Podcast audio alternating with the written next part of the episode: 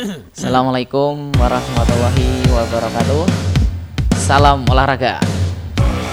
Semangat pagi anak-anak. Apa kabar hari ini?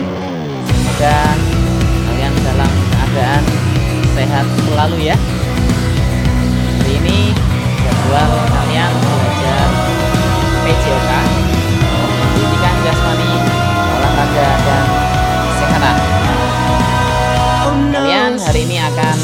belajar bersama dengan Fauzan hari ini adalah hari yang istimewa Kenapa? Ada yang tahu? Ayo, siapa yang tahu? Apa coba? Ya, karena hari ini adalah hari pertama kali Pak Ozan bergabung mengajar melalui radio Kejarakom PPK FM Seragi. Ozan merasa jadi seperti penyiar radio beneran ini. Jadi untuk pembelajaran PJOK sementara belum disanakan dengan tatap muka seperti halnya pelajaran yang lain ya anak-anak Padahal Pak Osen sudah sangat merindukan olahraga bersama dengan anak-anak di lapangan. Biasanya kalau di SDN 01 Tegalontar itu olahraganya di lapangan Desa Tegalontar yang dekat dengan SDN 03 ya anak-anak. Dan Pak Osen rasa PJOK itu merupakan pelajaran favorit dari anak-anak karena hanya seminggu sekali dan menyenangkan. Kita dapat bergerak bersama di lapangan sehingga kita menjadi sehat. Nah, sebelum kita mulai pelajaran PJOK pada pagi hari ini, alangkah baiknya kita awali dengan berdoa terlebih dahulu. Karena sejatinya berdoa adalah senjata orang-orang yang beriman dan merupakan harapan atau permintaan serta permohonan seorang hamba kepada Sang Pencipta. Kita berharap semoga belajar ini bisa bernilai ibadah dan kita diberi kemudahan. Amin. Berdoa mulai.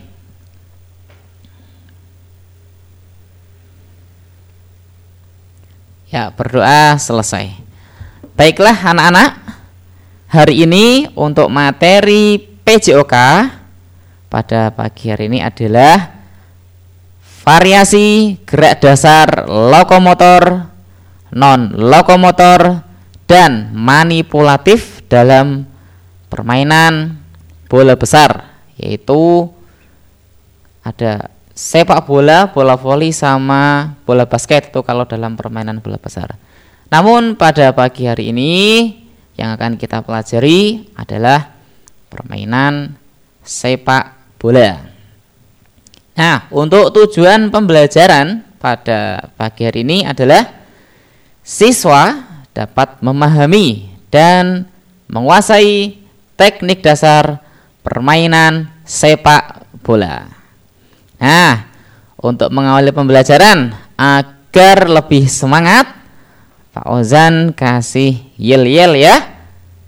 Bisa ditirukan di rumah dengan teman kalian. Oke. Baik untuk yel-yelnya. Siap ya? Siapa suka olahraga tepuk tangan? Siapa suka PJOK tepuk tangan? Siapa suka olahraga? Mari kita lakukan. Siapa suka PJOK tepuk tangan? Sekali lagi ya. Siapa suka olahraga tepuk tangan? Siapa suka PJOK tepuk tangan? Siapa suka olahraga, mari kita lakukan. Siapa suka PJOK, tepuk tangan. Oke, mantap. Baiklah, anak-anak. Kalau sudah, sekarang coba kalian siapkan dulu LKS ya, beserta dengan buku tugasnya.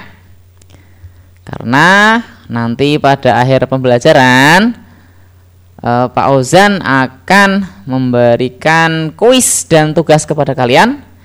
Dan pada sesi kuis nanti kalian bisa menjawab pertanyaan dari Pak Ozan.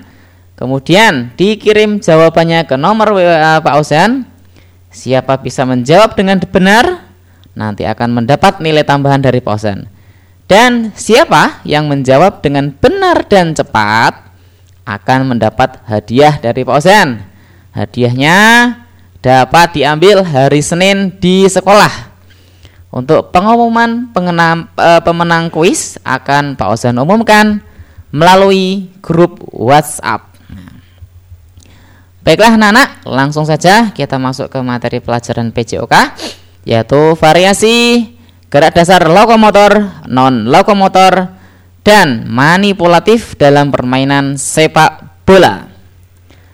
Apa kalian sudah tahu anak? Apa itu gerak lokomotor, non lokomotor dan manipulatif? Yo, ada yang tahu enggak? Baik, Pak Osen jelaskan sedikit. Gerak lokomotor itu sama halnya dengan gerak berpindah tempat. Nah, loko dan motor berarti berpindah tempat ya. Misalkan dari posisi berdiri pindah berjalan ke depan, berjalan ke belakang, ke samping kanan kiri, berlari, melompat. Nah, jadi berpindah dari satu titik ke titik yang lainnya itu namanya gerak loko motor. Pinter. Kemudian yang kedua itu adalah gerak non lokomotor. Apa itu? Karena ada nonnya, berarti gerak tidak berpindah tempat. Artinya gerak di tempat, misalkan lompat ke atas ya. Bisa gerakan meliukkan badan ke kanan, gerak meliukkan badan ke kiri ya. Seperti itu untuk yang gerak non lokomotor, artinya gerak tidak berpindah tempat. Dan satu lagi yaitu gerak manipulatif, yaitu gerak menggunakan alat. Kalau dalam sepak bola, ya berarti misalkan menggiring bola. Nah, berlari menggiring bola. Pokoknya ada alatnya itu kalau gerak yang manipulatif. Nah, dalam pagi hari ini karena yang kalian pelajari adalah sepak bola, nanti Pak Osen singgung juga nanti terkait dengan eh, apa namanya? yang berkaitan dengan sepak bola. Nah, anak-anak, coba Pak Osen tanya, apa yang kalian pikirkan ketika mendengar tentang sepak bola? Yo, ada yang bisa menjawab? Apa itu sepak bola? Ya. Nah, baiklah.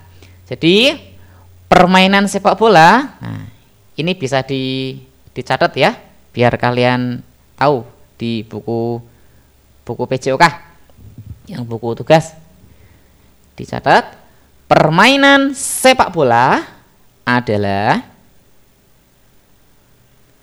olahraga permainan yang dimainkan oleh dua tim. Kita ulangi lagi. Permainan sepak bola adalah permainan yang dimainkan oleh dua tim yang jumlah pemain masing-masing tim adalah 11 pemain. Nah, jumlahnya berarti berapa anak-anak? 11 ya. Dengan tujuan utama ya, jadi ada tujuannya. Dengan tujuan utama memasukkan bola ke gawang lawan sebanyak-banyaknya. Nah, itu ya.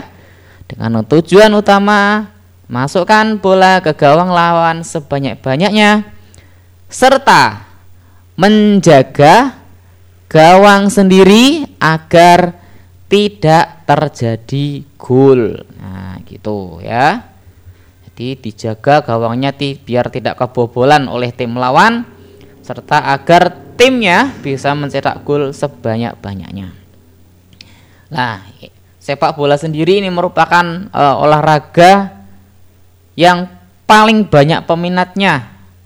Nah, karena bisa kita lihat kalau ada pertandingan-pertandingan itu pasti penonton di lapangan itu sangat membludak ya. Namun karena saat ini kondisi masih pandemi Covid-19, maka untuk segala kegiatan yang berkaitan dengan kerumunan termasuk sepak bola ya. Untuk saat ini belum bisa diselenggarakan seperti halnya uh, pada saat sebelum-sebelumnya. Kalau dulu ada turnamen biasanya di, Kabupaten Pekalongan ya ramai sekali di Indonesia ada liga kemudian di yang sudah berjalan di Eropa ini yang sudah berjalan nah kemudian Pak Ozan juga akan menyinggung sedikit tentang sejarah permainan sepak bola. Ya. Berdasarkan sumber yang dikutip pada situs uh, situs Football History uh, kehadiran permainan sepak bola itu terjadi di Cina sekitar abad ketiga dan dua sebelum masehi dengan nama permainan cuju nah namanya cuju ya C U J U cuju nah di mana cuju ini dimainkan dengan uh, menggunakan bola yang berbentuk bundar di atas bidang tanah persegi nah banyak negara-negara yang mengklaim bahwa kehadiran sepak bola itu diawali dari mereka sendiri seperti Yunani kuno dan juga Roma. Kemudian ada juga sumber lain yang uh, mengklaim bahwasanya olahraga sepak bola berasal dari negara Inggris ya. Itu ada juga.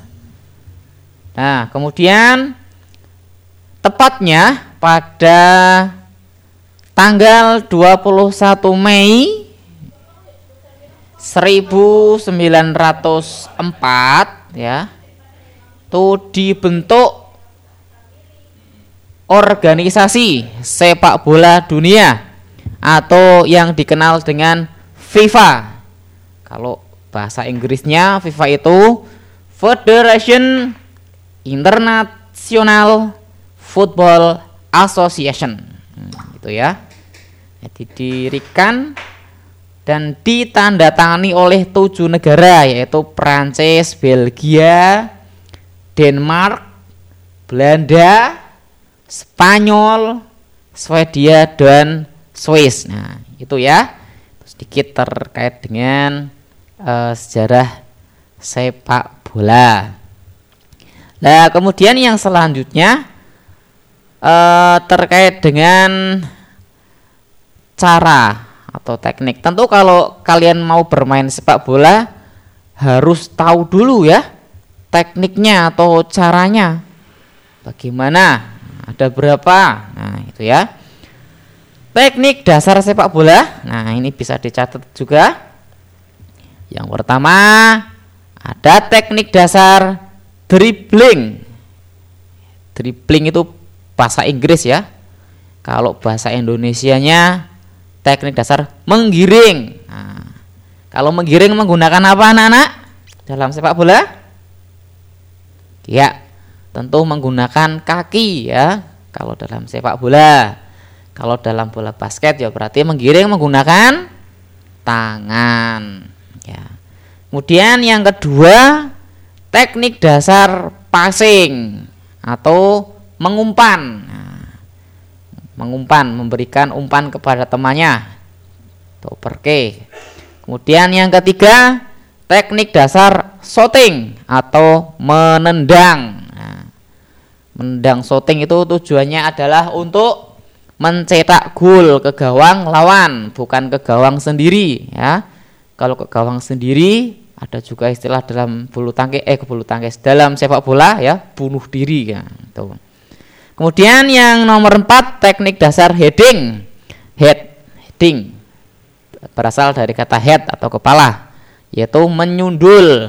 Menyundul menggunakan kepala kalau dalam sepak bola ya. Pakainya dahi biar tidak pusing menggunakan dahi. dahi. Kemudian yang selanjutnya yaitu teknik dasar menangkap bola. Hmm, menangkap bola itu berarti yang e, menggunakan teknik ini adalah penjaga gawang atau kiper. Nomor 6 ada teknik dasar lemparan ke dalam. Bahasa Inggrisnya itu adalah throw in. Selanjutnya tujuh adalah menghentikan bola atau mengkontrol bola. Bisa menggunakan kaki, paha, dada atau kepala. Kemudian teknik dasar keeping atau gerak tipu jadi dalam sepak bola kalau ada uh, teknik gerak tipunya ada ini ya, menipu boleh kalau dalam sepak bola. Tapi kalau dalam kehidupan sehari tidak boleh ya, harus jujur. Nah, kalau sepak bola di itu tidak apa-apa, gerak tipu tapi. Nah. Nah, itu ya anak-anak. Ustaz ulangi lagi tadi untuk jumlah pemain sepak bola ada berapa anak-anak? Ada? Ya, ada 11 itu ya. Diingat-ingat itu. Terus organisasinya tadi apa namanya FIFA ya yang pakainya bahasa Inggris itu. Federation International Football Association. Nah, kira-kira kalau dalam permainan sepak bola, kalian tahu enggak apa manfaatnya? Harus tahu ya, pasti ada manfaatnya. Yaitu bisa membuat tubuh kita menjadi sehat, ya tentunya ya. Kemudian menambah kebugaran dan stamina meningkatkan kerjasama tim dan sosial karena berhubungan dengan e, teman orang ya sehingga bisa menjalin kerjasama karena manusia itu adalah makhluk sosial baik untuk kesehatan mental juga. Baik untuk e, kognisi juga ya. Nah gitu. Itu anak-anak. Ada yang e, belum mudeng sampai saat ini materi sekarang ya. Kalau tidak ada yang belum tahu nanti bisa tanya Pak Ozan lewat uh, grup WhatsApp ya.